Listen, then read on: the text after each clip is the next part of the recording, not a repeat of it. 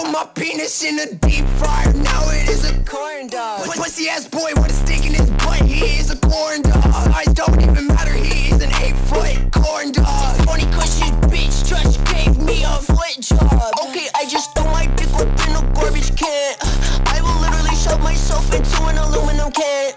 I steal a can of food from the homeless man because I can. It's all can I stand? Crazy stick up in my pants. I just fucked your bitch in the back of a Kmart.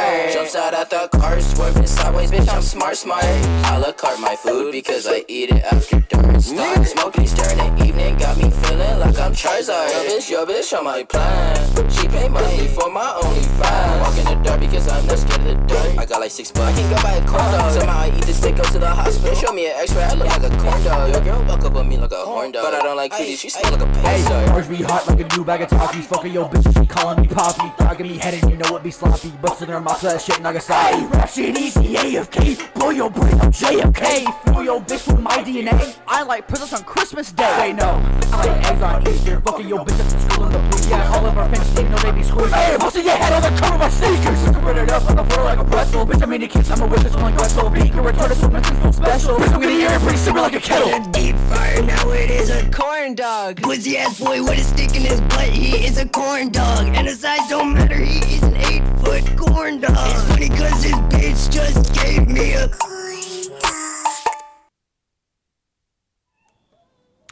Jó estét kívánunk, ez itt a Vendéglő a világ végén című rádióműsor. Visszatértünk a jó zenékkel. Kaptam egy kritikát, kaptunk egy kritikát, Azt hogy egyedül te kaptad. igen, hogy elkommercizálódunk nagyjából a zenékben, és ezért most mindent föltettem egy lapra. Főztök valamit? Szomszéd. Nagy mennyiségű margarint használ. Érzed ezt a szagot? Nem. Borzalmas. Utálom a margarint. Nem is tudom, mi az. Az, amivel olcsó és igénytelen helyeken tömik az embereket a vaj helyett. Tudod, miről szólt ez az ének? Corn dog. És megnéztem, ez egy étel. Van magyar alapján- receptje is. Na, Nagyon finom. Úgy kell kezdeni, hogy egy hurkapálcikára felszúrsz egy darab virslit, igen, úgyhogy ne érjen végig, csak úgy benne legyen, mint egy nyalóka. mint egy nyalóka, és egy magas pohárban összekeversz úgynevezett szószt, aminek a fele kukoricaliszt, a másik fele rendes liszt. Talán még van benne egy-két dolog, de be, belemártod, mint egy Szószba nyalókát. liszt. Nem egy pohárba, ilyen. És víz. Ez ilyesmi gondolom, mint egy ilyen Igen. belemártod, hogy Igen. így jól áll legyen, és aztán kisütöd olajban. Az embernek megjön hozzá a kedve. Úgy gondolom a énekeseknek is. Nagyon érdekes, mert pont amiről beszélni akarok, Az pont ez a virsli. nem, hanem a könyv, amiről a múltkor beszéltem, Igen, a maffiózók. Mag- Mafiózók Mac- Mackó Mackó Nadrágban nadrágban. című könyvet olvasom. Most még nem értem a végére, de már nem tudom, hány százaléknál tartok, 90 körül. 320. Ugye, hogy mennyivel jobb Kindle-n olvasni, ahol miért nem rögtön, nyomtatják rá a százalékot? Hát Igen, meg egyáltalán. Meg ha széthúzod az oldalt, miért nem lesz nagyobb betű? Ugye? 390. Igen. Hát még egy 50 oldal van hátra a 400-ból, akkor az, azért még nem 90 százalék. Az még nem. 400-ból 50 az, Az egy nyolcad. az mennyi? Egy nyolcad? 25-nek a fele, az 12 és fél. Van hátra, tehát ö, 87 és fél százaléknál tartunk. Nagyon szép. A rajtaütés című fejezet következik. És az ajánlott részben a corn dognak is köszönhetjük, meg nem tudom, hogy a Google olvassa valamilyen csodálatos technikával, hogy offline milyen könyvet olvasok, de Biztosan. Tasnádi Péter YouTube csatornáját ajánlatja nekem. Ahol alapvetően a cigányok, de ez biztos, hogy ugyanaz a Tasnádi. nem De hiszem. kicsit annak tűnik. A gangster világ titkai. De Tasnádi Péter nem a rossz oldalon állt? De ott.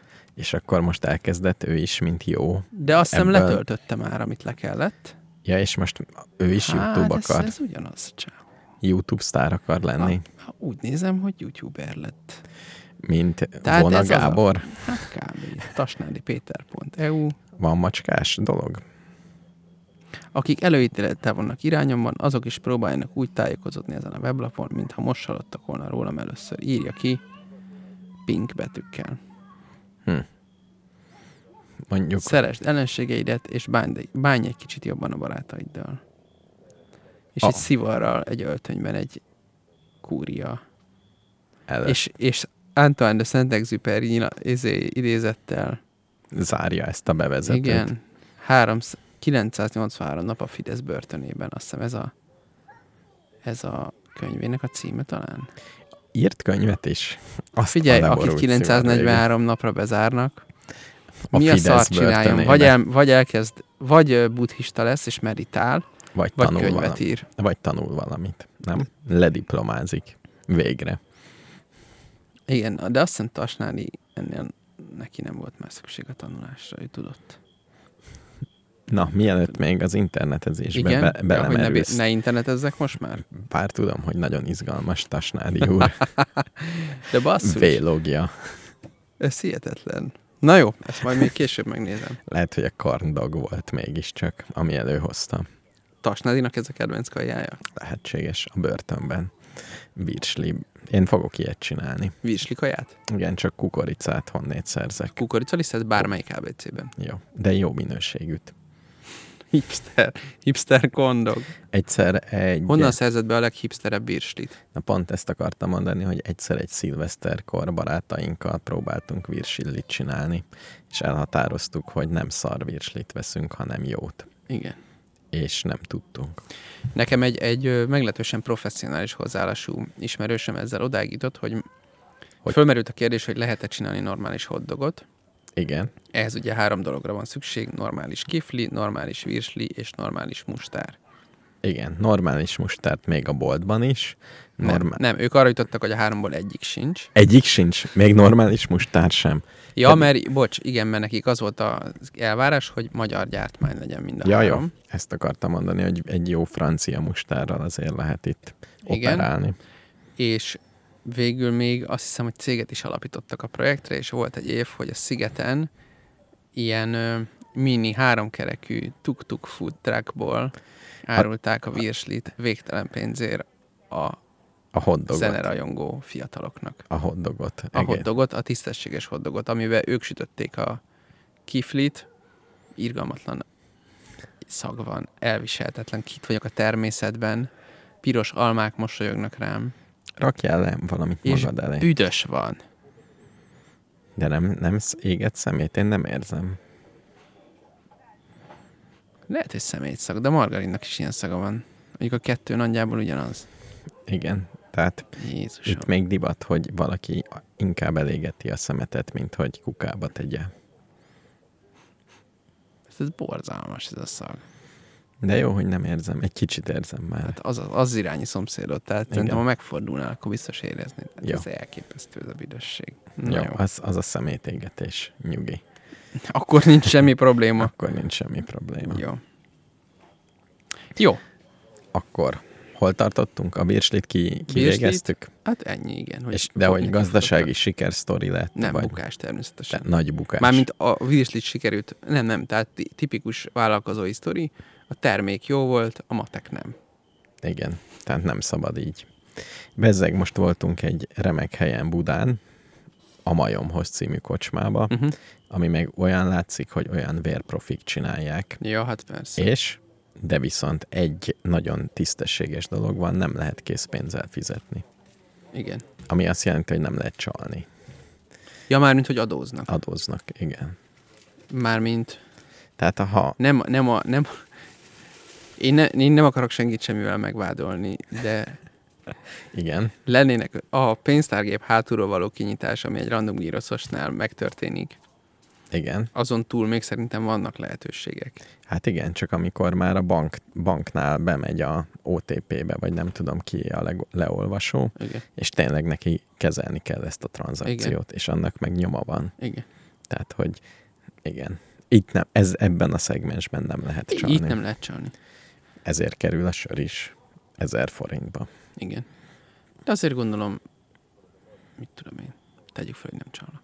Én is. Tehát minden, a készpénzt ki kéne írtani. mindenből Magyarországon, erre nem fog sor kerülni nálunk. Hát most erre azt mondaná Kurt úr, aki néhány adással ezelőtt itt ült, és arról beszélgettünk, hogy hogyan érjük el, hogy a különböző hatalmak ne tudjanak minket folyamatosan figyelni, Igen. hogyha mindig bankkártyával fizetsz, akkor ugye elég, az, az rosszabb, mint hogyha SMS-be kommunikálnál szignál nem. helyett. Jó, a, a, igen, de mindenki adózik, illetve ha mint nem akarod, hogy lássák, hogy mit van, azt csináld meg kézzel. Legyen egy kis, Csinálj magadnak egy telefont. egy cserekereskedelem, így úgy, igen. Mondjuk akkor Jó. is a használt piac az nem bankkártyán keresztül fog menni, hanem lesz egy ilyen szép szürke zóna. Igen. Úgyhogy Meg bitcoin. meg bitcoin főleg. Te már fizettél bit- bitcoint? Bitcoinnal nem, vásároltam bitcoint a legrosszabbkor, Aha, és azóta is várom a csodát. de mínuszba vagy. Persze. Nagyon jó. Hát akkor, akkor azon a ponton vettem, két éve novemberben, vagy mikor volt ez, amikor 11 ezer dollár volt egy bitcoin. Uh-huh, uh-huh, És akkor beszálltam 10 ezer magyar forinttal. uh-huh. És ezt csak kattintgatni kell, és kész van? Valahogy? Hú, már nem is emlékszem. Annyit tudok, hogy van egy bitcoin pénztárca app a gépemen, Uh-huh.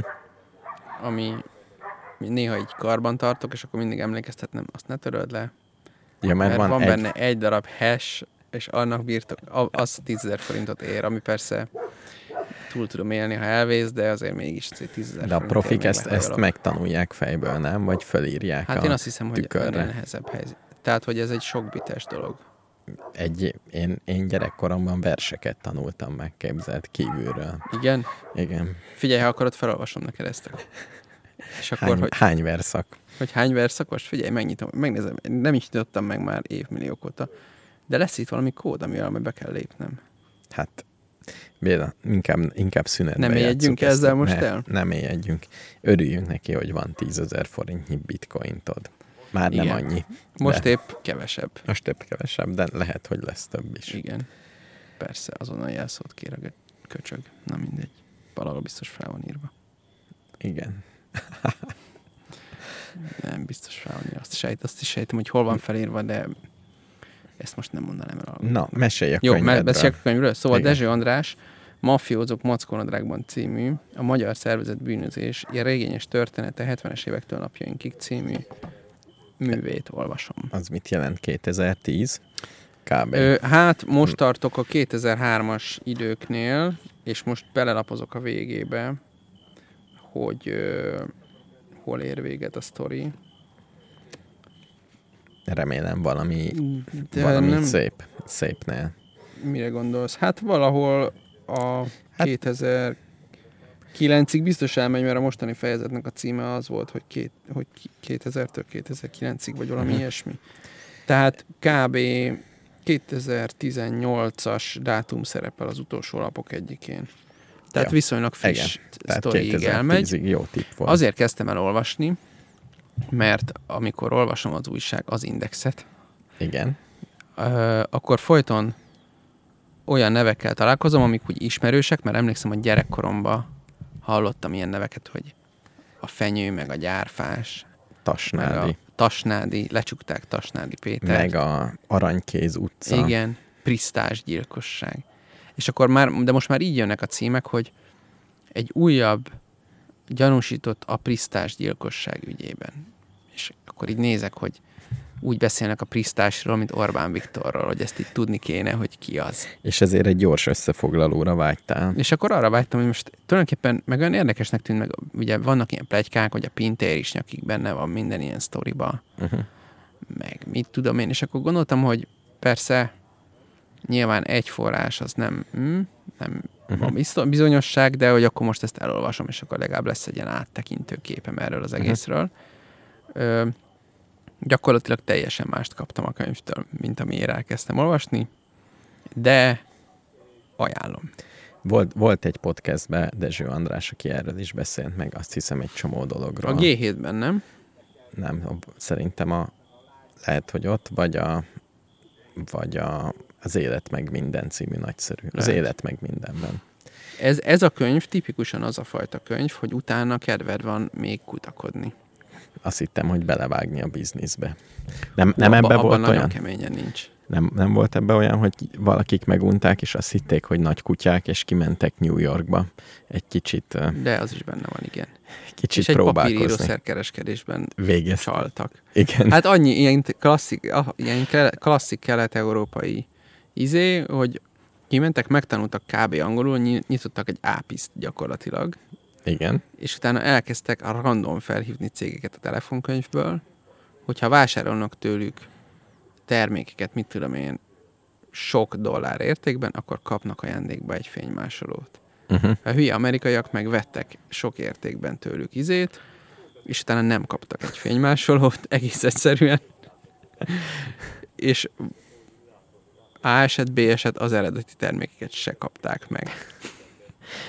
De én azt hallottam, hogy úgy mentek ki, hogy azt gondolták, hogy ú, ők már itt nagyon királyak, ők már Igen. így mindent tudnak. Ők igazából kitanulták ezt a szakmát. Igen, de nem, Lássuk. nem voltak komoly gyerekek egyáltalán. Lássuk, mi van Amerikában, és Amerikában meg ők voltak a, a legalja. Tehát Abszolút, tehát nem voltak komoly tényező, ö, de azért ott is volt gyilkosság, meg minden, tehát a maguk szintjén, meg azért pénzük is volt, házuk San Franciscóban, uh-huh. nagy kocsi, Harley Davidson, jöttek, mentek úgy, hogy egy büdös szót nem tudott némelyik angolul. Uh-huh.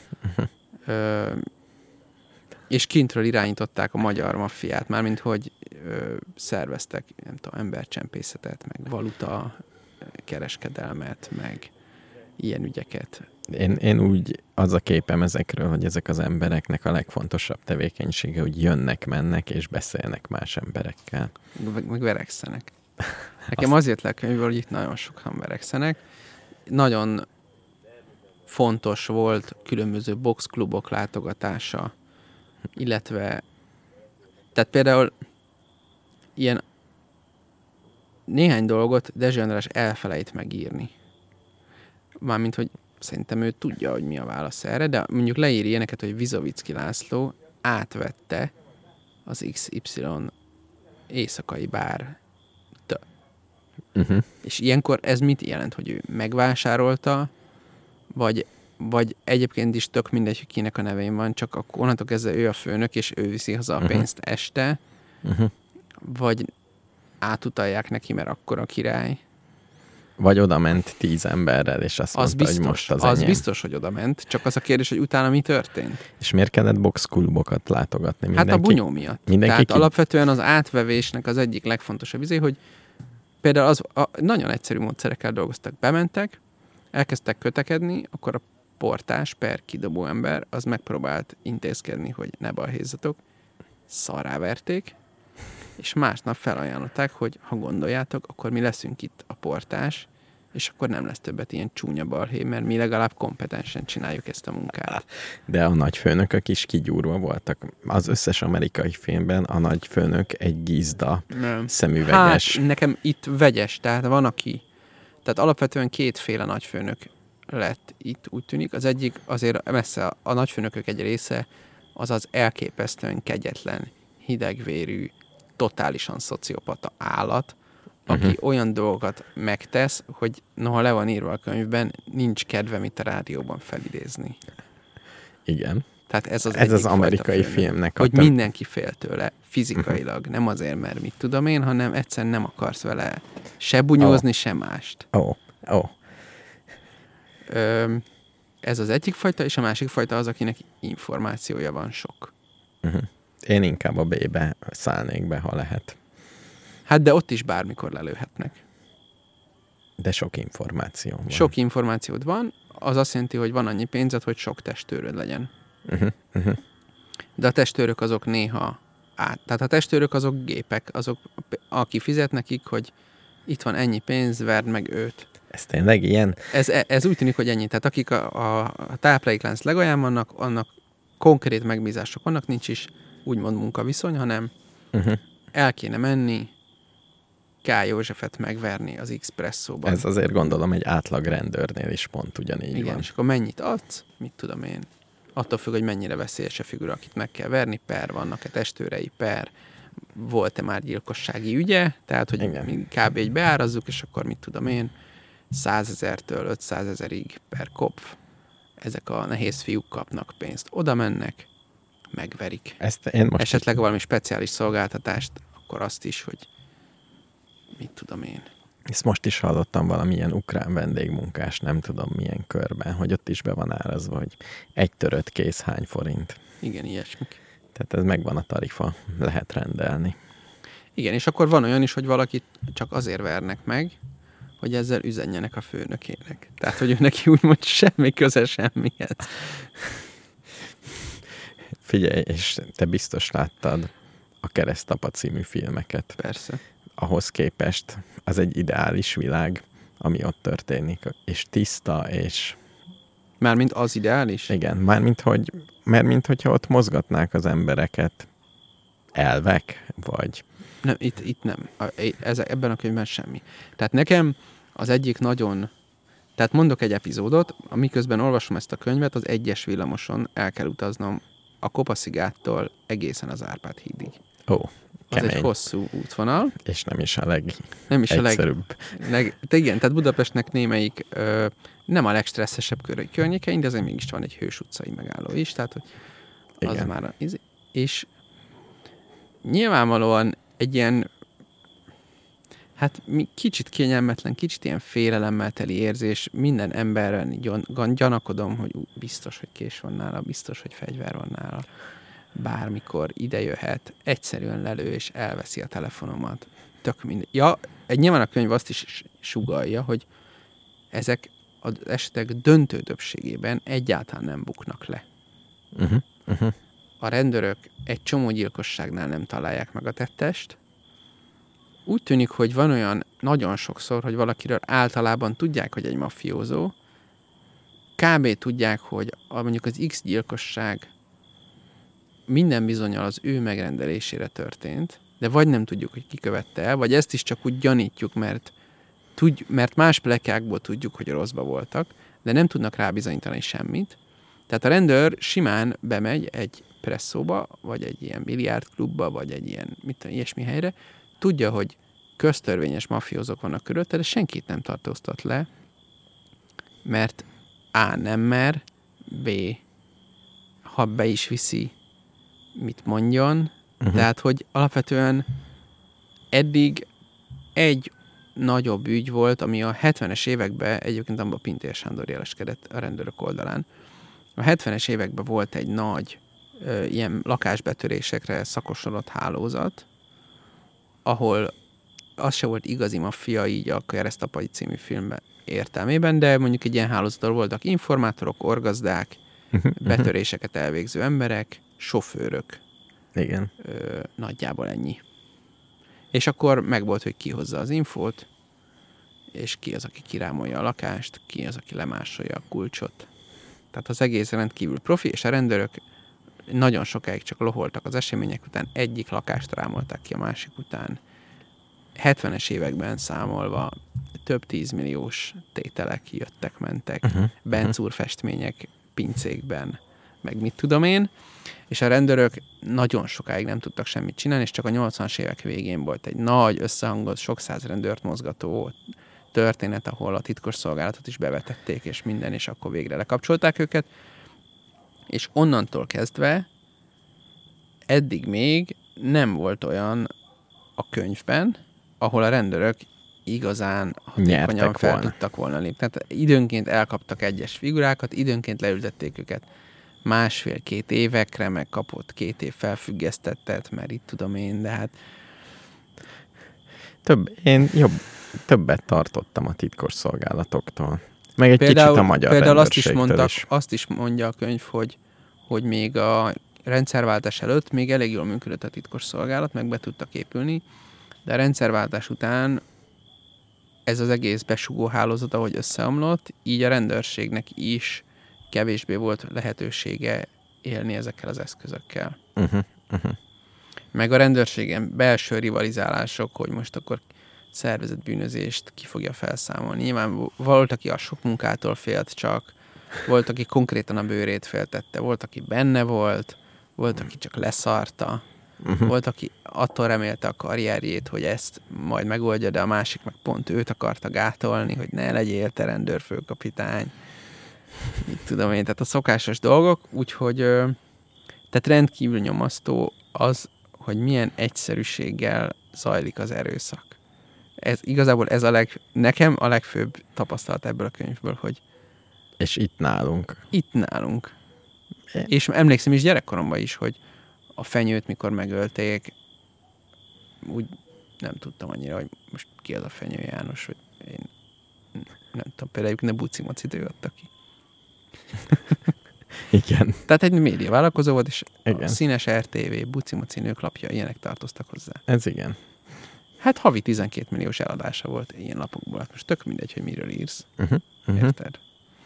Na mindegy. Ö, de én emlékszem, amikor megölték a fenyőt, de hát akkor én még általános iskolás kisgyerek voltam, hát csak hallottam, hogy valakit lelőttek. Jó. Én meg az aranykézre emlékszem. Aranykéz, igen, az is elég Az más volt, vagy az Nem, ugyanaz? az, az kicsit más. később volt, de nem sokkal. Az az, az Aranykéz utcai robbanás a 98-as kormányváltás alatt történt. Tehát Mhm. azt írja legalábbis a Dezső, hogy amikor Kövér László akkoriban titok, titkos szolgálatokért felelős tárca nélküli miniszterséget épp vette át az elődjétől, akkor vitte be nekik valaki az információt, hogy amúgy történt egy ilyen robbantás. Most. Nagyon és hogy szép. meghalt benne n darab civil áldozat, és akkor még nem hozták nyilvánosságra, hogy ki lehetett vajon a célpont. Szóval, na, a könyv felsorol rengeteg nevet, nagyon sok ilyen újságokból ismert nevet is, Uh-huh. meg lehet tudni egy-két ö, újságokból ismert névről valóban, hogy azok kb. miket csináltak. Mhm. Például, mit én van ez a József Rohác nevű figura, akit Igen, igen. most például a, például a fenyőgyilkosságnál is fölmerült, Igen. hogy esetleg ő volt, de ugye nem tudjuk ki meg a fenyőt, úgyhogy Gondolom Rohác úr is ide-oda megy, és néha verekszik. igen, hát Ro- Rohác úr ugye úgy úszta meg, hogy elég csúnya ügyekért leültették, és aztán a, a csehszlovák rendszerváltáskor ott egy ilyen elég széles körű általános amnestiát vezettek be, és egy csomó köztörvényest is, 30 ezer köztörvényest elengedtek, uh-huh. és többek között őt is. De már elég csúnya ügyei voltak előtte. Uh-huh. Uh-huh. Tehát e, nem tudom én, hogy most gyilkosság érülte éppen, azt hiszem nem, de mondjuk nagyon csúnyán megvert valami rendőrt, meg nagyon sok pénzt, meg nem tudom, tehát hogy így viszonylag komoly bűncselekmény miatt ült, Uh-huh. de simán elengedték. Figyelj, és ezeknek az embereknek összességében bejött az élet, akik itt vannak ebben a Hát figyelj, könyvben. három kategória van.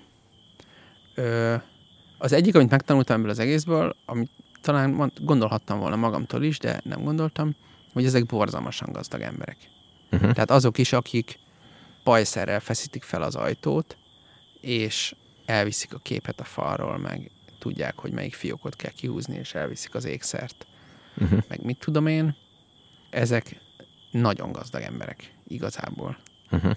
Tehát amikor a 90-es évek elején hatalmas fehér mercikkel, és mit tudom én, vastag aranyláncokkal mászkáló, smasszer kinézetű figurákat lehetett látni Budapest utcáin, akkor azok pont azok voltak, aminek látszottak, és pont annyira voltak gazdagok, mint amennyire ránézésre látszottak. Ezek ajándékba adogatták egymásnak a BMW-ket. és tehát ez az első. Uh-huh. Utána voltak ilyen nagy hatalomátvételek, aminek egy része egyszerűen mészállással zajlott, tehát ezeknek akkor nem jött be az élet, tehát lelőtték. Igen. Tehát, ha De meghal... volt olyan hatalomátvétel is, hogy valaki megúszta, mert mondjuk mármint abban az értelemben úszta meg, hogy mondjuk amíg a börtönben volt, addig átvették a birodalmát. Uh-huh. Mert ugye a smasszerek, mondtam, azoknak tök mindegy, ha kifizeted neki, hogy mi van, be kell menni védelmi pénzt Igen, szedni, igen.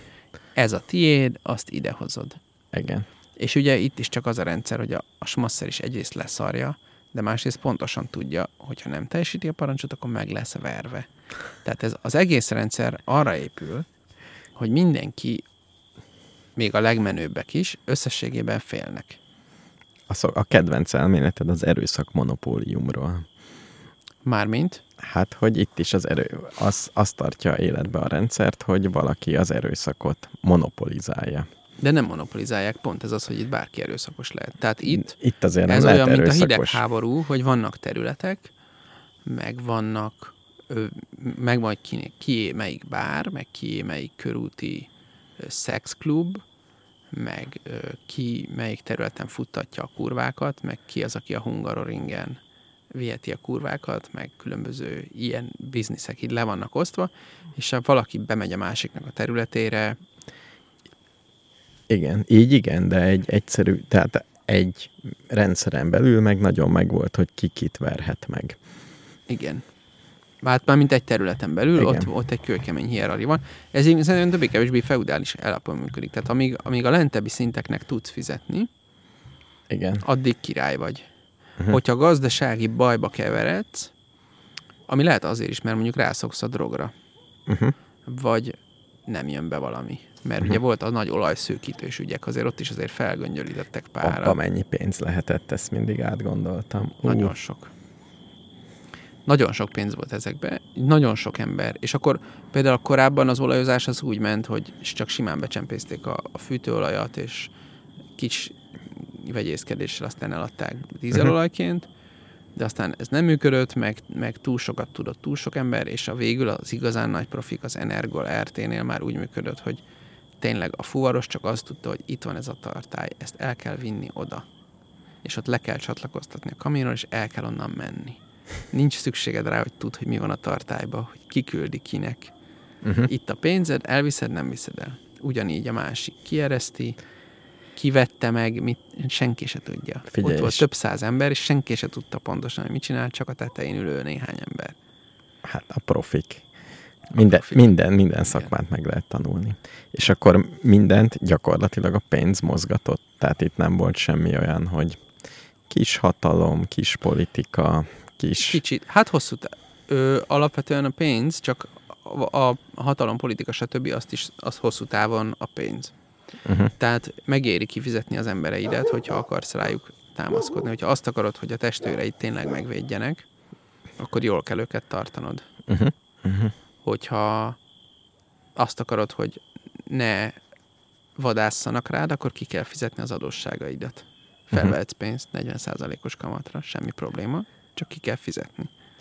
Uh-huh. Ha nem fizeted ki, akkor valami bántanak csúnyán. Tehát mindenki a pénzre ment. Röviden. Alapvetően a pénzre Az, mentek. arra optimalizáltak. Igen. Komolyabb drog téma az nem is igazán volt, azt a Magyarországon tevékenykedő orosz maffia intézte inkább. Uh-huh. És aki például oda belekeveredett, a, o, ott volt, aki egyszerűen azért is szegényedett el, mert maga is elkezdett drogozni és szétesett. Uh-huh. Mm. Igen, és akkor volt, na és akkor volt néhány, akinek sikerült kiszállnia. Uh-huh. Tehát mondjuk volt ellene egy merénylet, nem sikerült a merénylet, lúzerségből úgymond, Uh-huh. és akkor rájött, hogy jó, akkor most hozok egy döntést. És ami pénzt el tudott, tehát hogy eladta a házát, izé kiszállt, felszívódott. Uh-huh. És ezeknek nyilván a nagykutyáknak már egy csomó pénze legálisba volt, tehát pénzmosás, meg mit tudom én. Egy csomószor az volt, hogy a, a tetején, aki van, az már, mit tudom én, több százmillió forintot, akár 70-es, 80-as években Meg egy értve. meg a kutyától. Ja, hú, kösz. Tehát rengeteg pénzt tisztára mostak, és akkor onnantól kezdve úgymond ki lehetett szállni. Hát ez nem olyan könnyű Mhm. kiszállni, de még aki nem szállt ki, ott is volt olyan, aki nem árult el senkinek, hogy hol lakik. Hát igen.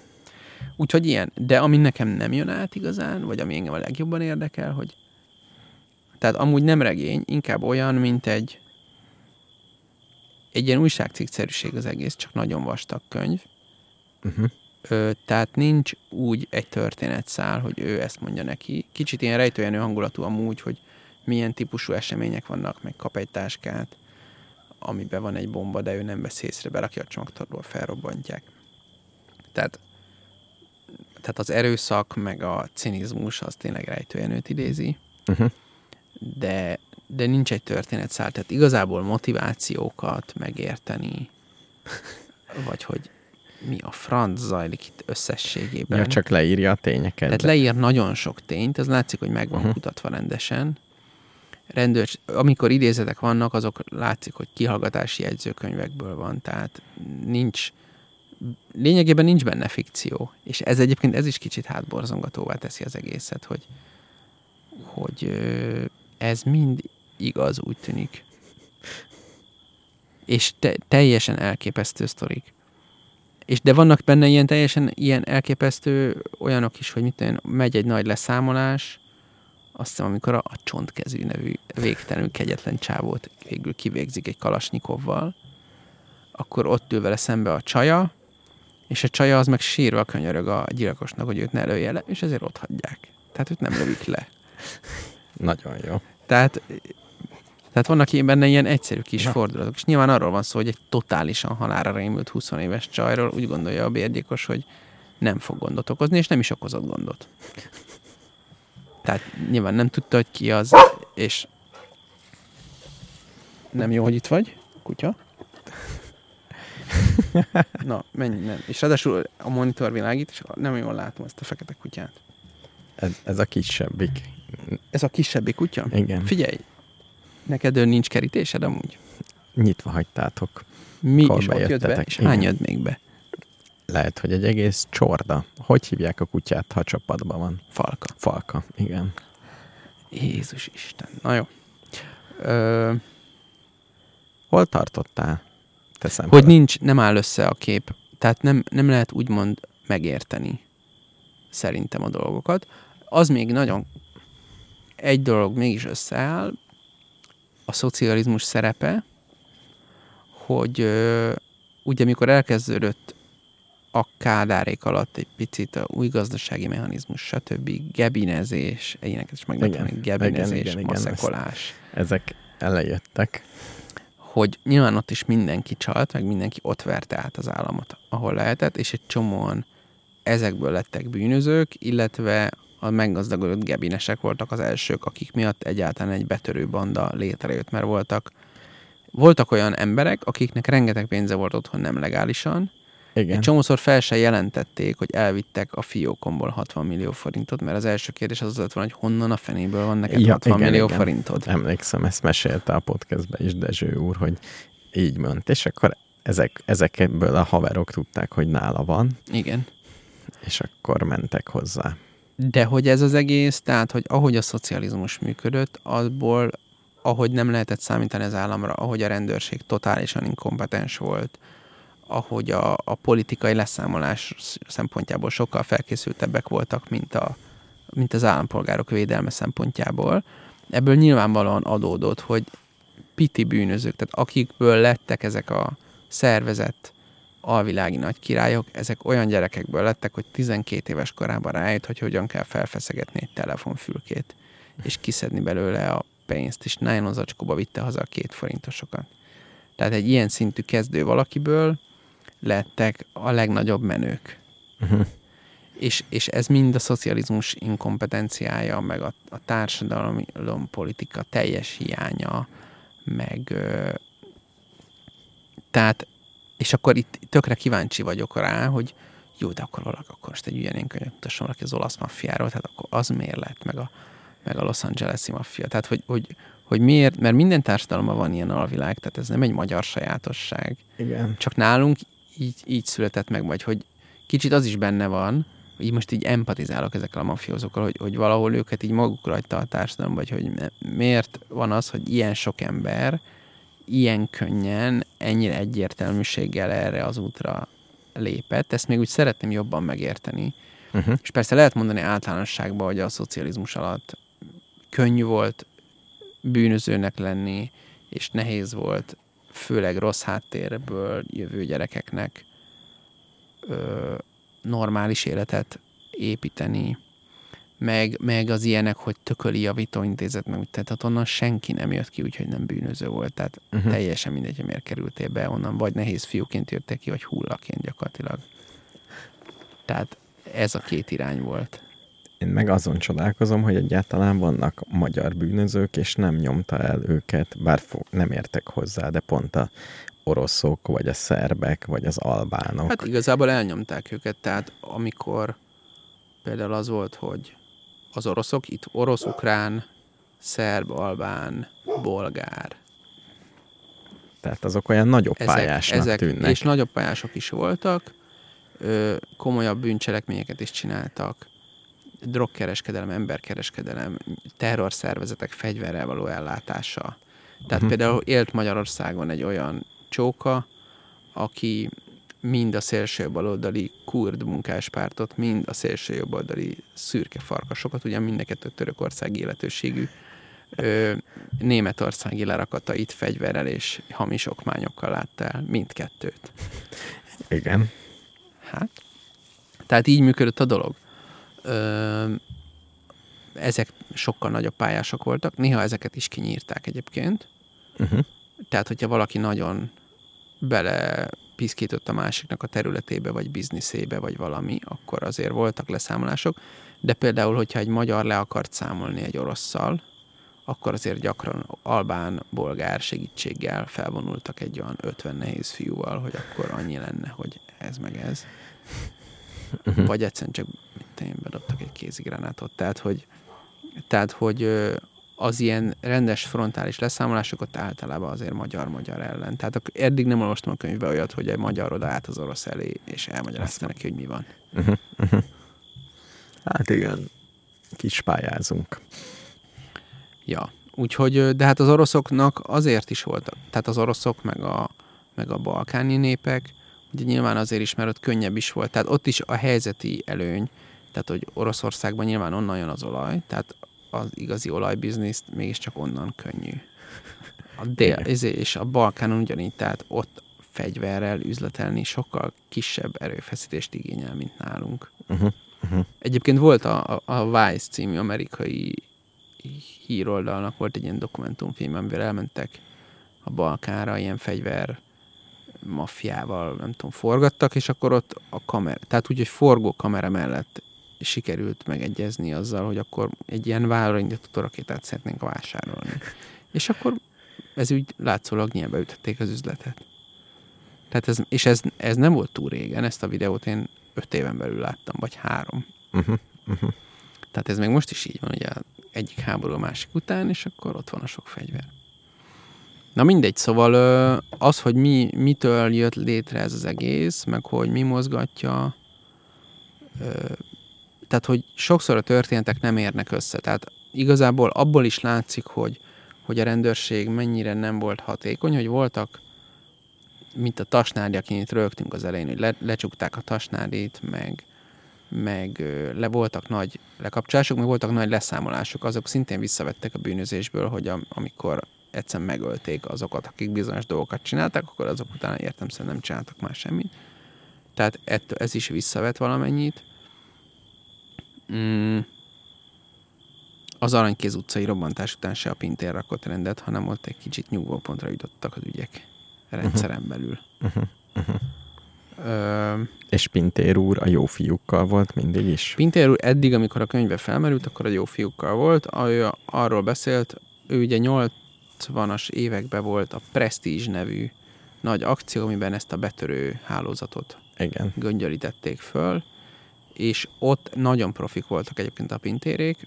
Ő gépkocsi vezetőként kezdte valami kiszes, nem tudom miként, és onnan tehetséges volt, agilis volt, és nagyon gyorsan ment fölfele a ranglétrán, és ott gyakorlatilag azt csinálták, hogy bevittek egy-két arcot, és speciálisan személyre szabottan kiképzett úgynevezett fogdaügynökökkel dolgoztak, tehát beküldtek mellé valakit Uh-huh. a cellába, és meg volt neki mondva, hogy miről kell beszélni, mi a te háttérsztorid, mi a neved, uh-huh. és ott rendesen fel volt építve pszichológiának, hogy te, ez egy olyan fajta, aki nagy menőzik, tehát akkor meséld el neki, hogy te mekkora király voltál, és majd nem fogja kibírni, hogy nem mutassa meg, hogy még nálad is nagyobb király volt, és el fogja mesélni, hogy mit csinált.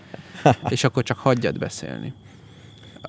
De a másiknál épp az ellenkező, hogy nem mondj semmit, hanem mit én is, ha kérdez, akkor sem mondj semmit. Tehát, hogy izém, akkor, és akkor egy fel voltak építve a sztorik, és akkor mit én, volt a másik, bement, és teljes letargiában, már tudom, három hete egy szállába bejött, és akkor hát nem bírtam tovább, kitálaltam mindent, és mit én, és ezt az ajánlatot kaptam, és akkor aztán a másik is bement, és látta, hogy nem tudom, tehát az is kitálalt. Tehát egy teljes ilyen pszichológiai megvezetéssel, de nagyon részletesen ki volt dolgozva, tök profin, tehát egy, volt csomóan feladták magukat, csomóan feladták egymást, jól kiválasztott szembesítések voltak, tehát még nem is volt meg igazából az info, csak tudták, hogy ezek összetartoznak, és akkor egy információ morzsát egy szembesítéskor így bedobtak, és akkor mind a kettő azt hitte, hogy a másik már vallott, uh-huh. és akkor összedőlt a, a kártyavár. Tehát ilyeneket jól csináltak igazából a pintérék eléggé a, a, uh-huh. a könyv alapján. A modern idők pintéréről még nem volt eddig szó, tehát 90-es évek legelejénél szólt utoljára Pintérről, úgy emlékszem a könyv. És ez, a, ahol most tartasz, ez a buborék egyre nagyobb, vagy egyre kisebb? Vagy ez A az bűnözők? Egész? Igen. Hát annyiban mindenki tudja, hogy kisebb, hogy azért az Aranykéz utcai időszak az, az annyiban egyértelműen egy határvonal volt, hogy egészen addig Budapesten gyakorlatilag teljesen általánosak voltak egy időben a lövöldözések, a robbantások, a, a banda háborúk, ez a fekete sereg, mond meg neked valamit? Nem. Hát ez egy ilyen, Mátyás királyt. nem, nem az, hanem egy Magyar Rihárd nevű edelényi fiatalember szervezte. Ö, ez egy jó részt cigányokból álló csapat volt, akik egy kvázi ilyen magánhadseregként működtek. Tehát megvertek embereket, meggyilkoltak embereket, fenntartottak egy ilyen birodalmat. Hmm. És eléggé rettegtek tőlük. És én is emlékszem a hírekben, hogy a fekete seregről így szó van, hogy ez van. De ott is például azok gyakorlatilag ilyen zsoldosok voltak, tehát eseti, eseti szinten voltak kifizetve, nem volt, ö, ne, ne, ne úgy képzeld el, mint egy, Mint az igazi fekete mint egy serege. igazi fekete sereget, tehát hogy nem, de az a lényeg, hogy ezek ilyen laza, laza hálózat. Tehát nem az van, hogyha egyet elkapsz, akkor megvannak, Uh-huh. hanem akkor egyet elkaptál, és lehet, hogy nem is tudja, hogy mi van. Uh-huh. Hanem ő neki az volt a dolga aznap, hogy bemegy az XY helyre, és a valakit A nagyon megver, B behagyja a pénzt, C megöli. Uh-huh. Nem tudom én. Ö, de, hát, de hát ilyen szintű leszámolások nincsenek Budapesten mostanában. Igen, nem tudunk róluk. Hát azért, azért ha az lenne, hogy robbantanak, vagy, vagy több tíz ember lövöldözik a belvárosban, azt nem lehetne eltitkolni. Arról valószínű tudnánk, igen. Tehát i- ilyen nincsen. Más van. Most, ö, hát nevezzünk aktuálpolitikai vizekre, de nyilvánvalóan a, tehát annyiban továbbra is a pénz irányít, hogy a könnyű meggazdagodás útja az jelenleg nem ez. Uh-huh. Uh-huh. Ö, egyébként az a figura, aki szerintem most is szokott szerepelni a hírekben, ez a mostanában Emri Hard néven, egy tot, szintén egy kigyúrt vadállat, aki rendkívül gazdag, elképesztő kocsikkal jár, Igen. kokainozik, gyereket Igen, igen, gázol, igen. és aztán sajnos szívbetegség miatt nem tud börtönbe vonulni. Na, azt hiszem, egy bizonyos Emri Hard viszonylag hasonló személyiségjegyekkel már szerepelt a könyvben, és már így a 2001 néhányas években, tehát szerintem ez ugyanaz a csóka ő valamelyik fejezetben, nem tudom, új fiúként volt leírva, hogy na ő is van. Tehát egy-két ilyen ismerős, új, új, legújabbkori ismerős név is felbukkan.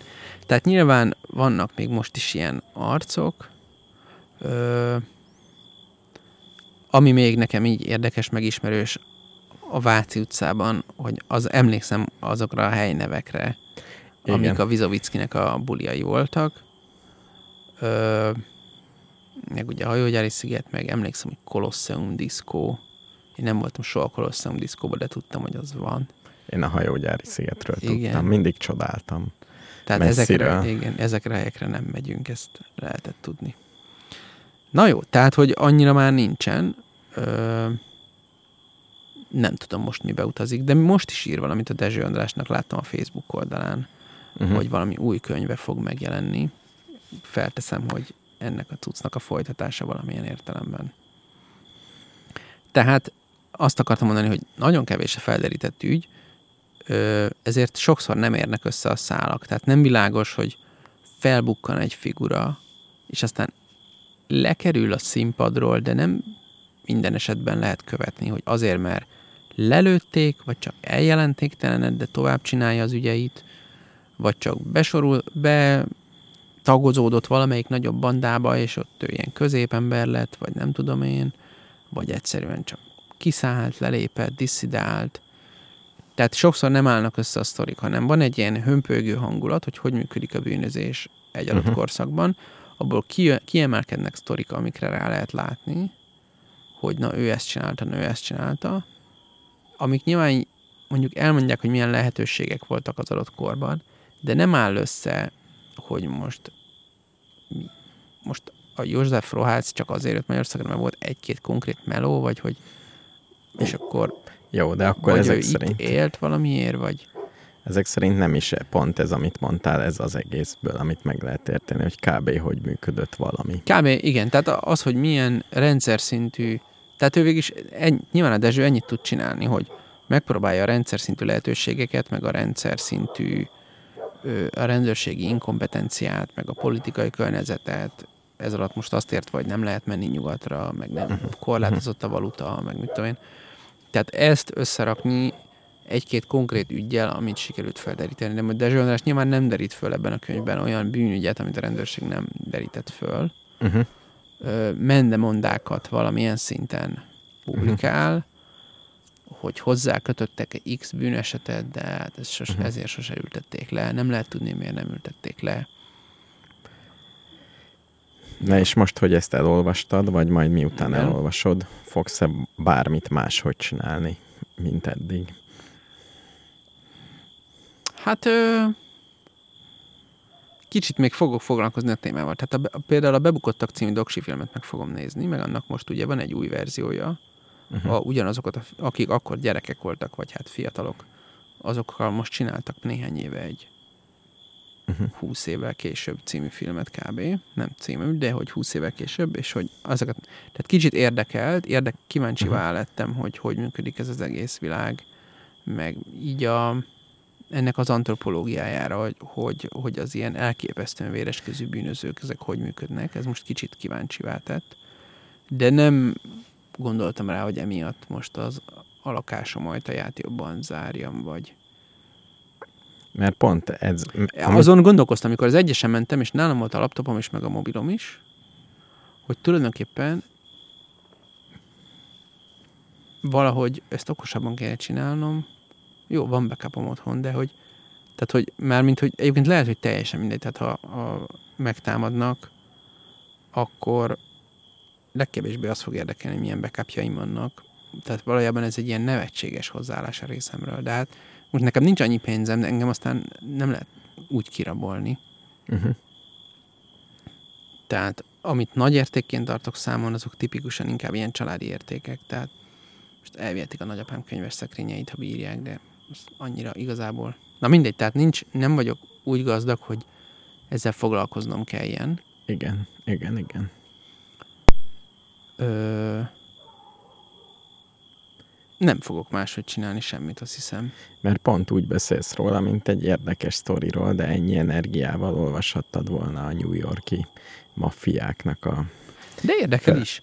De, de azért igazából nagyon érdekes, mert mint hogy elmond valamit arról, hogy én a társadalomnak totálisan az ellenkező oldalán vagyok, abban az értelemben, hogy az, hogy engem érdekel a politika, meg a tudomány, meg mit tudom én, ez nyilván arról szól, hogy én a társadalomnak abban a szeretében működök jól, ami a társadalmi rendet ö, elfogadja, magáénak vallja, be is tartja alapvetően a normákat, és nyilvánvalóan azért, mert nekem egyébként ez fizetődik ki.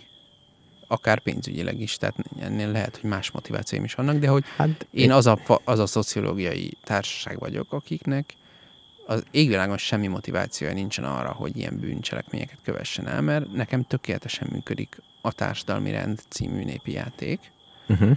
Uh-huh. de erre a társadalmi rendre, ami nekem otthonos, meg amiben el vagyok, erre egy nagyon érdekes mm, ilyen külső nézőpontot tesz rá az a társadalmi réteg, akik meg ezt totálisan kívülről nézik, akiknek semmit nem számít ez a rend. De akkor azokból lesznek bűnözők, akiknek a adott, amiben beleszületnek társadalmi rend, az nem adja meg azt, ami nem tudom, egy elégedettséget, vagy egy... Hát részben igen, de nem csak ez. Ezen gondol, tehát nincs senkinek se a gyerekkoráról, de hát képtelen vagyok másra gondolni, mint hogy ezek, a, akik ezekben a könyvekben szerepel, ebben a könyvben szerepelnek, ezeknek valószínűleg borzalmas gyerekkoruk volt, Uh-huh. és ö, alapvetően az, az erőszak, mint probléma megoldás, az mindennapjaik része volt, és az, hogy valakiről, valakiről azt írja a könyv, hogy ő 12-13 évesen már telefonfülkéket fosztogatott éjjelente, hogy nyilván fölmerül az a teljesen egyszerű prózai kérdés, hogy és a szülei ehhez mit szóltak.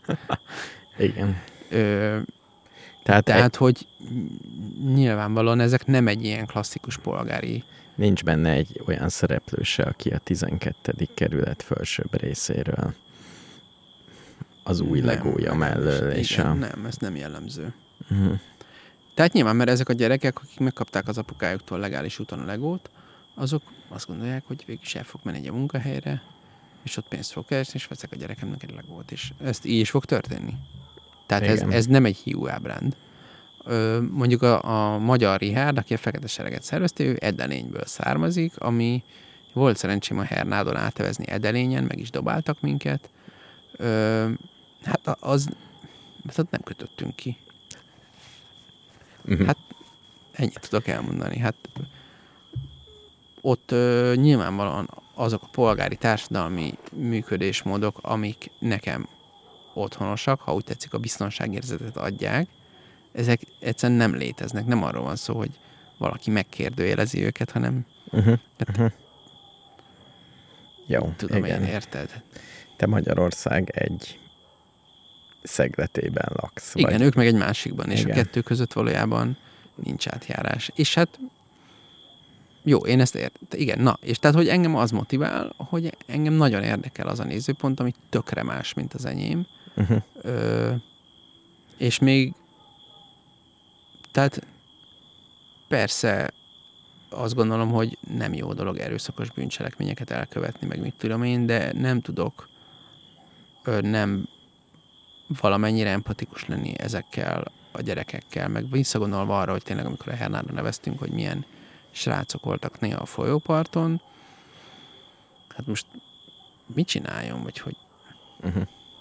tehát egy ilyen kicsit, kicsit a saját, saját világomat is úgymond megkérdőjelezi, hogy, hogy amit én csinálok, tehát hogy az övé, amit ő csinál, az mint én bűnözői élet, vagy valami, de akkor bizonyos értem az enyém, meg valahol lehet, hogy nevetséges. Vagy van egy olyan nézőpont, onnan egy nevetséges életet élek. Igen, például nem keresel pénzt, nem használod ki a lehetőségeidet. De nem, nem csak az, csak hogy egy csomó ilyen furcsa kulturális szabályt betartok, nyakkendőt kötök, hogy komolyabban vegyenek, és komolyabban is vesznek érte. Mit tudom én, ilyen arról dumálok, hogy milyen ízjegyei vannak egy bornak, tehát hogy, tehát, hogy ilyen teljesen furcsa az életnek, teljesen ilyen abszurd részletességig ki vannak dolgozva bizonyos ö, részletkérdései másokról, mint amik másoknak, meg valahol történelmileg, mint én, tehát az, hogy a, a bunyó, meg, meg, meg a, az önmagamért kiállok, harcolok, ö, ez a fajta ilyen ősműködés, ez tökéletesen kiveszett nyilvánvalóan az én életemből, tehát engem megtámadnának egy, ne- nem is kéne, Egy egy, fegyver, Egy egyszerűen odaállna valaki elég határozottan a villamoson, adjam oda a telefonomat, akkor szerintem odaadnám. Tehát mi a szart csináljak, vagy hogy Igen, nem igen. tudnám, hogy mit kell ilyenkor csinálni, de azt tanították, hogy ne veresd meg magad. Tehát, de mindegy, Igen. tehát annyi, hogy, hogy érdekel egy olyan élet, ami az enyém teljes tükörképe, vagy feje lefele, vagy hogy negatívja, vagy szóval érted, mindennek az Értem, ellenkezője. értem. De hozzátesz valahogy, hogy ez még ráadásul Magyarországon történik. Persze, hogy ne. Tehát az olasz maffia az, az aztán tényleg csak egy romantikus regény számomra. Uh-huh. Ö, nyilván egyébként érdekelne, hogy miért lett Olaszországban maffia, tehát ott is bele tudnék. Csak ott a másik oldalt is ugyanúgy el kéne olvasnom, hogy amit az észak-olasz burzsá iparvárosok, a Ferrari, a Milánóban, meg mit tudom én, biztos ott is megvan ez a burzsá, meg ilyen Uh-huh. menő réteg, akiknek tökéletesen megfelel az aktuális olasz politikai működés és kultúra, és nem tudom, frissen présett olívaolajat készítenek a vidéki farmjukon, és nem tudom én. De én azt se ismerem, tehát nyilván az, hogy magyar, az, ö, az azt teszi hozzá, hogy ezt tudom magamra vonatkoztatni. Igen, igen. Ja, hát ennyi. Szóval ajánlom mindenkinek a könyvet, annak ellenére, hogy nem ad rendszer szintű megvilágítást szerintem, mert az es- egyes esetek és a rendszer szintű magyarázat lehet érezni, hogy hogy törekszik egymás felé, de nem találkoznak, tehát nincs, nem tudunk eleget, ami egyben és legyen ez mondjuk az áragondolat, nekem nyomasztó is. Tehát én úgy látom, hogy a bűntényeknek egy tök nagy részét nem derítették föl. Inkább az van, hogy a kultúra mozgott el abba az irányba, hogy már nem annyira egyértelmű, hogy ez a fajta bűnözői élet ebben a formában megéri, uh-huh. ö, mert közben, mit tudom én, mondjuk a politikában is felbukkantak, ugye? A Walton Security, meg az Incal Security, tehát hogy, hogy bizonyos értelme a politika inkább beszállt ebbe a játékba, és lehet tudni, hogy bizonyos embereknek a ház előtt ott áll a Walton Security, és ott se fogják a büntető törvénykönyvet lapozgatni, mert ott laposra verik azt, aki be akar oda menni. Uh-huh.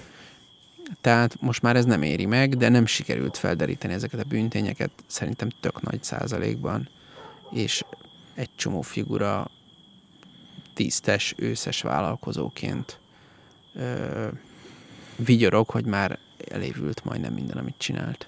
Igen. Mert van ilyen is a könyvben, hogy az XY elő felbukkant, mert az energolos ügyei el, elévültek. Uh-huh. És mire elő lehetett volna már venni, akkor már akár be is valhatta volna, semmi se lett volna. Úgyhogy, és közben, és akkor vannak a Dezsőnek néha ilyen beleszólásai még, mert nem bírom abba adni, hogy közben, minden, mindeközben ezek így és így gazdagodtak, közben mondjuk ment a bokros csomag.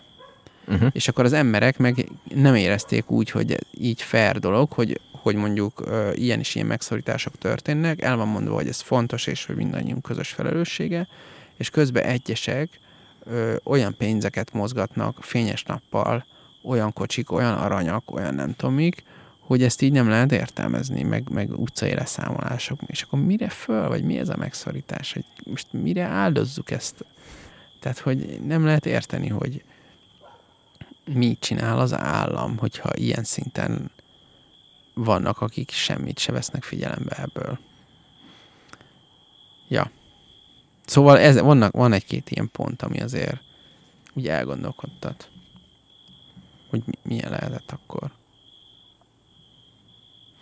Na, hát ennyi. Beteszünk egy zenét, Beteszünk. és még a kis, kis uh, színesekkel visszajövünk. Persze.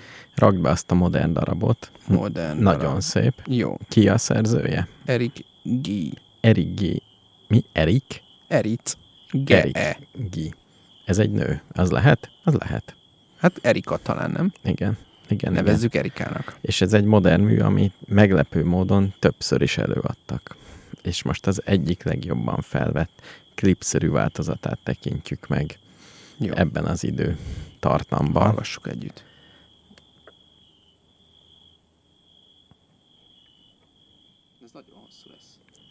majd lekeverjük.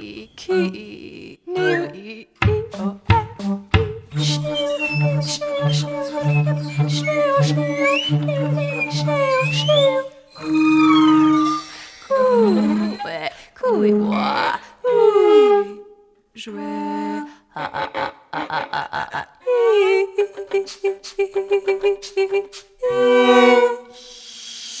Ah, ah, ah.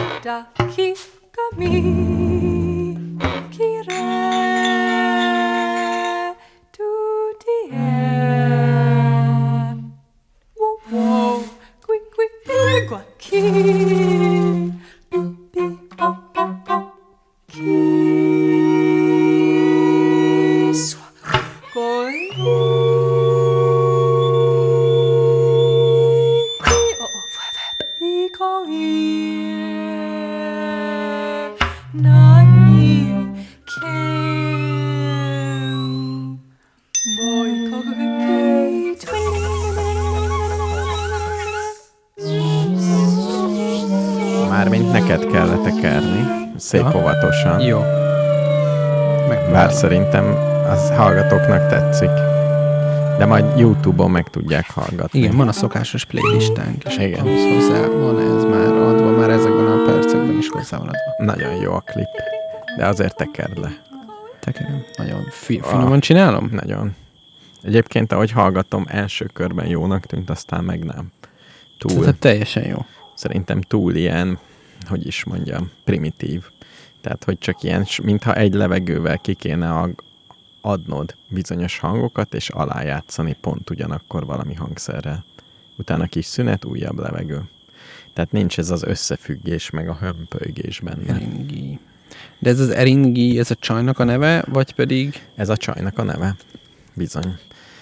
És ezt a művét többször is előadták, van egy másik is, csak ez, az ez nem az ilyen ő jó. műve? Ez Tehát az ő ő műve. egyben zene Nem, szerző. ő, ő csak zeneszerző, nem szerepel a előadók között. Ezt nem tudom megerősíteni. Tényleg? Nézd meg, van egy olyan, hogy ki az énekes. Ja, ide van írva. Aha. De ő is egy nő. Mármint aki Igen, az Eringi. az Eringi is egy nő, és az énekes is egy nő, de ebből még nem következik. Igen, az. egy Charlotte Mundi nevű csaj énekelt. adott ki hangokat. De ezt nem tekinted éneklésnek, ami itt most történt az imént? Mm, Nem is, nem is ének singernek van írva, hanem valami más. Voice, igen. Hang. Igen, Igen. igen. Egy, egyel bővebbre vették a halmazt. És indokoltan. És különben ajánlom megkeresni neked ennek egy másik felvételét is, ahol a fuolista egy nagyon, egy Ausztráliában született, de nagyon magyar nevű hölgy. Ugyanitt. Ja, hogy egy másikban. Igen. Jó. És majd annak fogjuk meghallgatni egy zenedarabját a legvégén, Mindenképpen. ami megint csak nem az edelényi szint, vagy hogy mondjam ezt? Nem szint, tehát nem, Nem, szabad igen, ö, igen nem, nem szint, hanem ilyen kultúrsovinisztának lennünk, főleg Emiatt. ezekben a nehéz időkben. emiatt néznek teljesen hülyének az edelényiek, hogy Tehát például hallgatsz. ezt, amit az imént most lejátszottunk, az ott ö, ezekben a közegekben nehezen lenne végighallgatható. Mondjuk így. Mondjuk így. Viszont érdekes módon fordítva nem ennyire rossz a helyzet, mert eh, van az a napra gitáros, aki gyűjtött Ukrajnában is öregnéniktől, az, az most megint valami pályázati pénzből, vagy régebben, de talán meséltem, ilyen cigányoktól gyűjt nagyon jó zenéket, úgyhogy lemegy egy telepre, és kijön a telep egésze, és egy ember szintivel, egy ember meg énekel mellette. Vagy egy férfi külön énekel magába.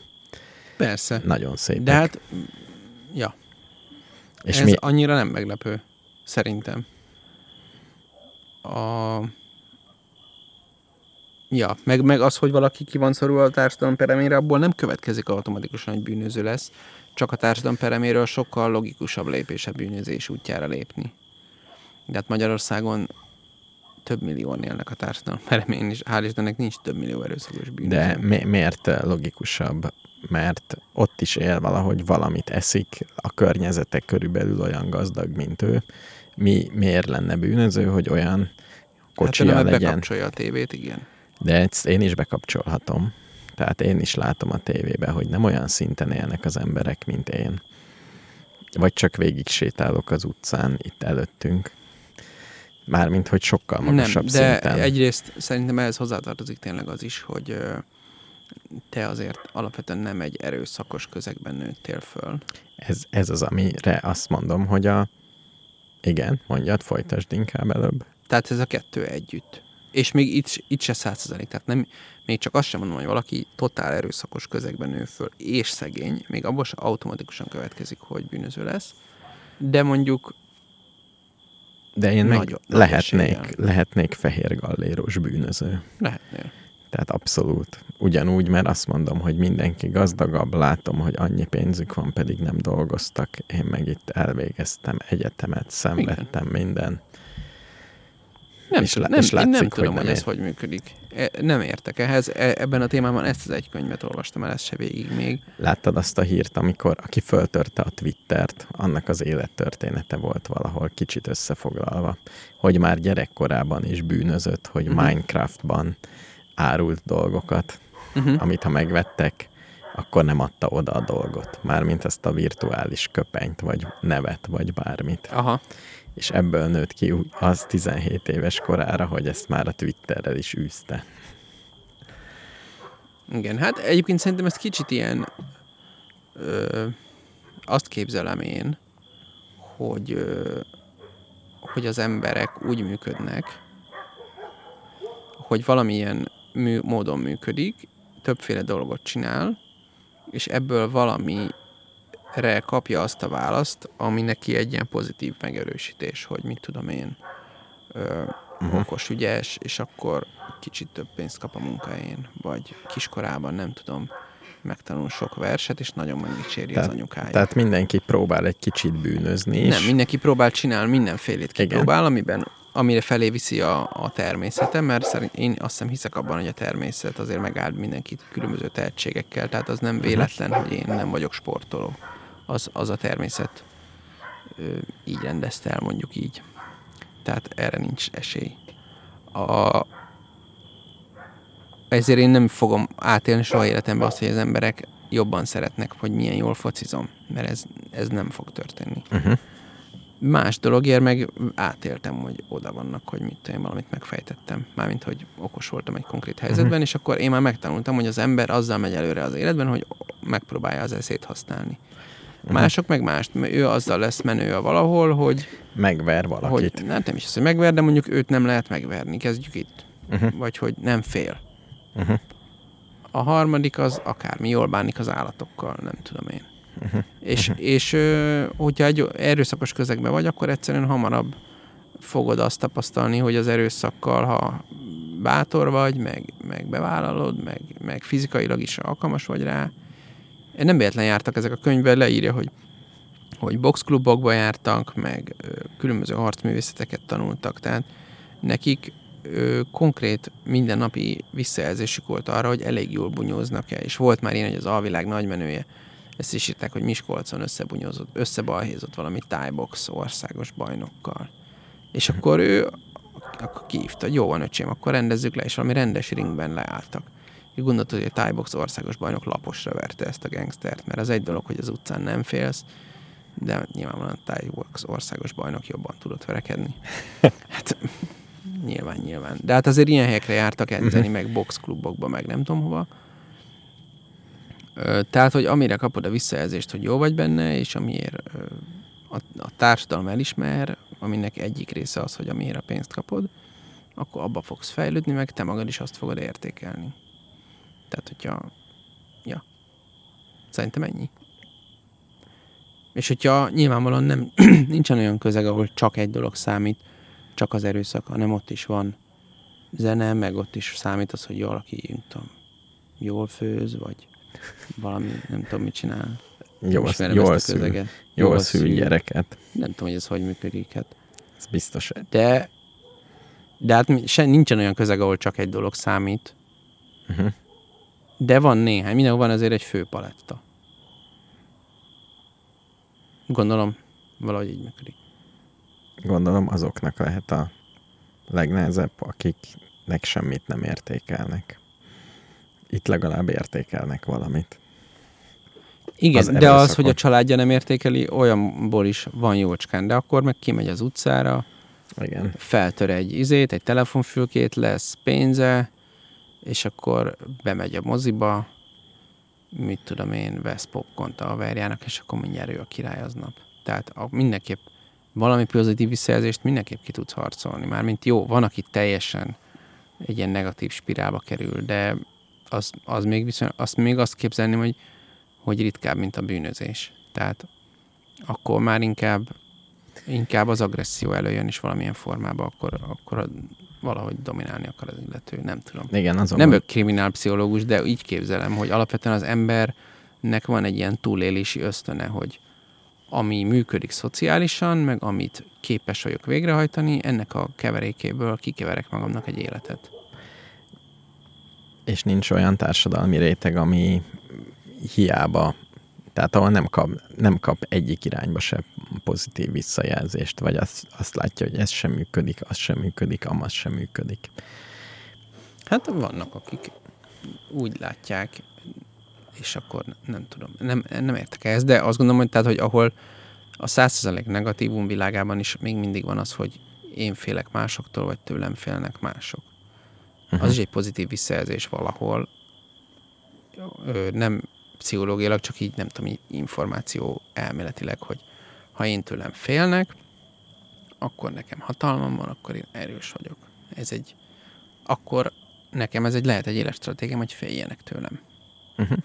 És ehhez egy deka ö, elismerésre, szeretetre, bizalomra nincsen szükséged. Nem, én nekem nem is ez jár a fejembe, ez a réteg, hanem pont a, mondjuk a középosztálynak az alja, akinek már nem jut eszébe bűnözni, és mégis nincs semmi lehetősége előrelépni sehogy.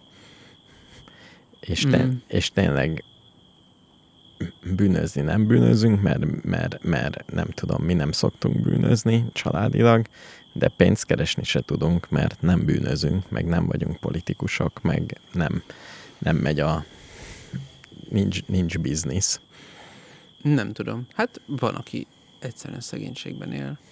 Igen. Nem, mi a kérdés? Igen. Nem tudom. Ja.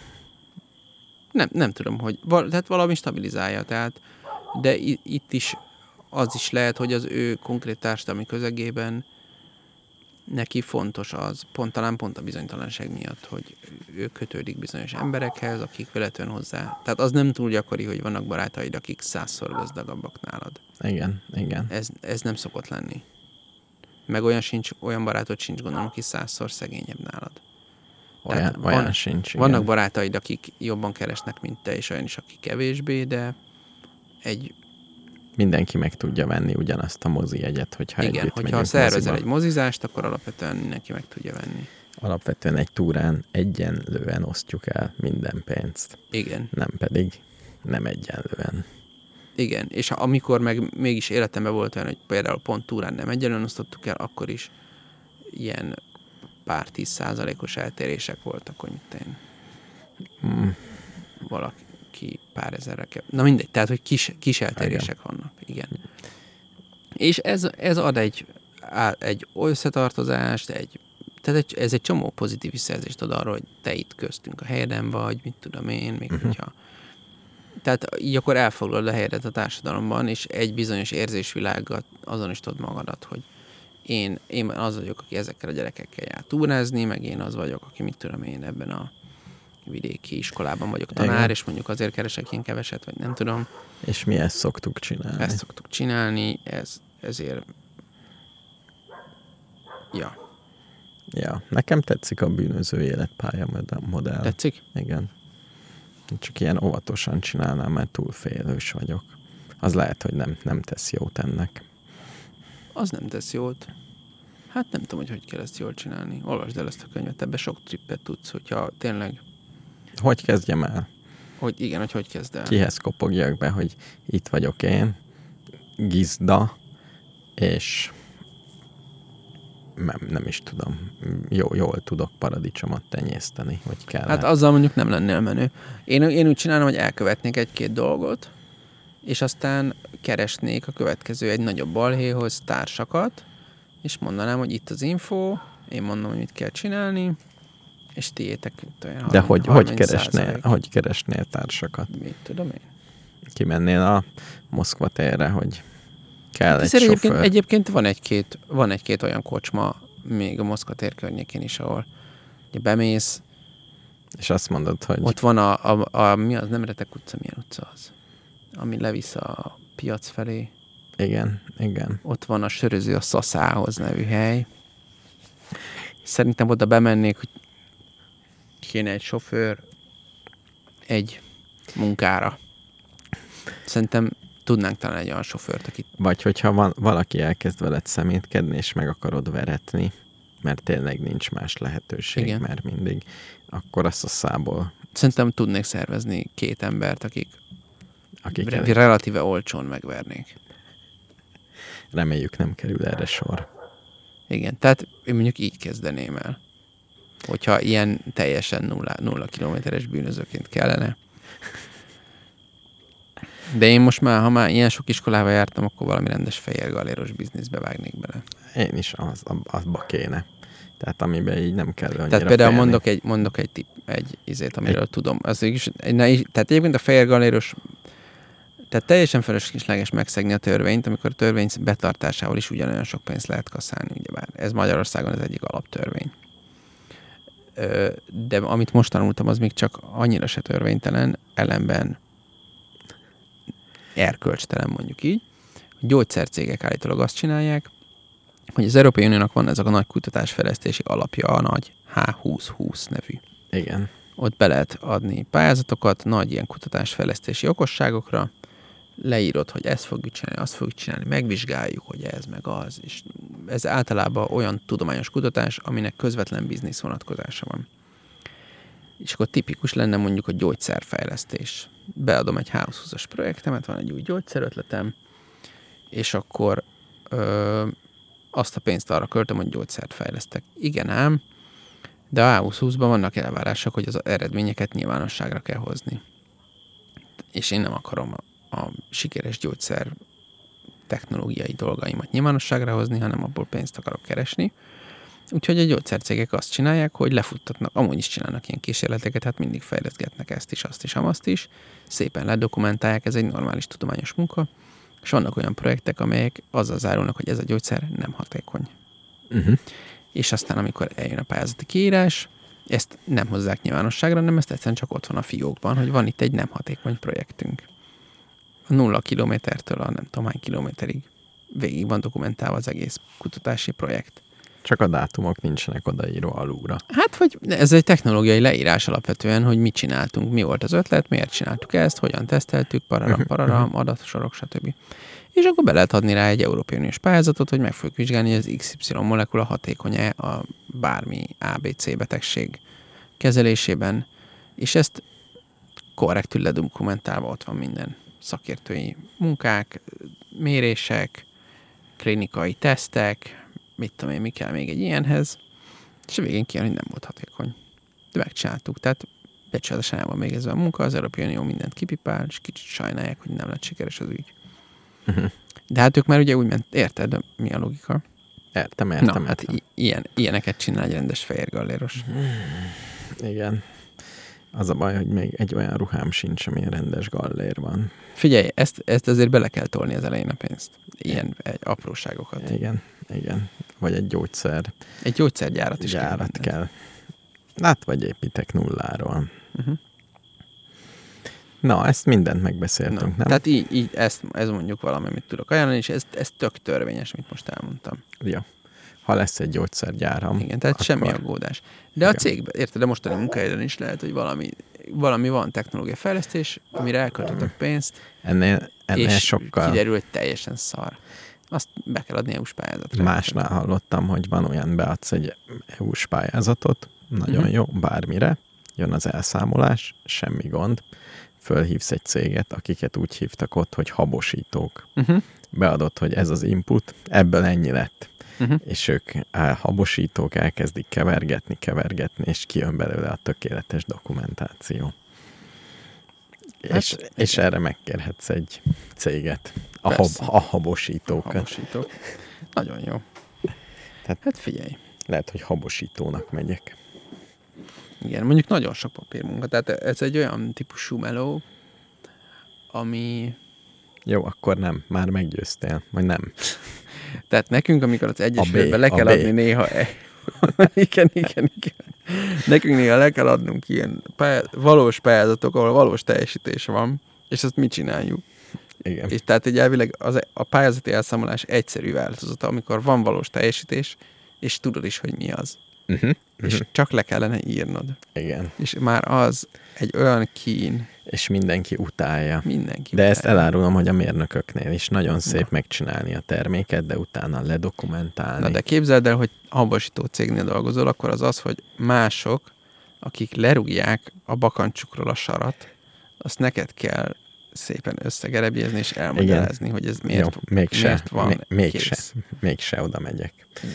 Valami és, más. és nincs az a pénz, azt hiszem. Nincs, nincs az a pénz, hogy még egy diplomamunkát megírjak Ugye? saját kézzel. Hát ez az. Hát ez az. Úgyhogy ez, hát vannak még, még vannak ilyen cégek. A, erről egy, egy külön rádióadást szentelhetnénk az ilyen adminisztratív, a pályázatíró cég, Igen, mint fogalom. mint fogalom. Egyáltalán. Ami, Aki azért kapja a pénzt, hogy megírja a pályázatot, nem Igen. is keveset, de ez nincs benne a pályázatban, hogy egy pályázatíró céggel íratom meg, és ez a költségnek nem, de, 3 ez, de azért a te... technikásabbak azért beleírják magukat. Tehát nyilván tudnak számlát kiállítani, nem tudom miről. valahogyan. Ezt, ezzel sem, nem vagyok tisztában, idáig nem jutottam el soha egy pályázatíró céggel dolgozzak, de, de, de ez egy létező műfaj. És állítólag ezek hatékonyak is, tehát Hát pont azért hatékonyak, mert sok ilyet. Tehát mindenki haték. Én is, ha először rakom a csempét, nem vagyok hatékony. Harmadik szobát csempézem, iszonyú hatékony vagyok. Ez nem, nem egy űrtechnológia. persze. Most például benne vagyunk egy emlegetett H20-asnak az írásába, de ott az egyik megagiga méretű francia kutatóintézet írja a pályázatot. Mi mondjuk, elmondjuk az esetek egy részében szóban, hogy szerintünk mit kéne csinálni, és akkor írják a szöveget. És tényleg arról megy a beszélgetés, hogy ezt ilyen szóval, vagy olyan szóval írjuk el. Hogy mondjuk azt írjuk, hogy természetvédelem, most magyarul mondom azt, ami nem magyarul van, de érthető legyen a probléma, hogy, hogy akkor azt írjuk el, hogy természetvédelem, vagy az egy túl szűk, akkor inkább a biológiai sokféleség megőrzése, az talán jobban cseng. Vagy, hát de akkor abban kicsit próbáljuk meg úgy megfogalmazni, hogy a mezőgazdasági biodiverzitás is valahogy szerepet kapjon, hogy lehessen érezni, hogy azért azokra is gondolunk, a racka, meg a szürke meg ezek. Tehát, hogy így akkor nem tudom, és akkor mondnak még egy harmadik szót, és akkor, de, de mindenki pontosan tudja, hogy alapvetően a Nature Conservation nevezetű dologról van szó, ami magyarul természetesen ezt fogjuk csinálni, de hogy most uh-huh. hogy kicsit így ebből fogalmazom, akkor az Európai Bizottságnál valakinek a lelke kicsit úgy abból fog állni, de, de ezek vérprofik, tehát én nem merem nekik azt mondani, hogy gyerekek ne vicceljetek, uh-huh. mert valójában ők tudják, én nem. És lehet, hogy tényleg ezen múlik. Simán lehet. Ez, ez úgy ezt a szervezetet INRA, ezek erre a H20-as izére, ezek valamilyen döbbentes pénzek jönnek, mennek itt, már mint eurómilliók, ők ebből beadnak hármat, és az a terv, hogy kettőt elhoznak. Uh-huh. És uh-huh. összesen van, nem tudom, tizet nyernek, vagy szóval nem tudom, tehát hogy nagyon, így, ez egy uh-huh. ilyen iparízés hozzá, tehát ez, ez egy külön, nyilván nekik van egy külön irodájuk, aki minden évben beadja, és ott már mindenki vérprofi, és mi csak próbáljuk mondani, hogy hát mi tök szívesen csinálunk ilyen dolgokat, és akkor mondják, hogy nem, nem, nem, de, de, de, vagy jó, jó, jó, csak áthírjuk így. Nagyon érdekes. De alapvetően elégedett vagyok ezzel az Európai Unióval. Hát ezzel együtt is. is. Igen. Sőt, ezzel vagyok elégedett. Lehet pályázni. Ugye? Például. Lehet pályázni, például. Na, Igen. van még időnk bármire? Nincs.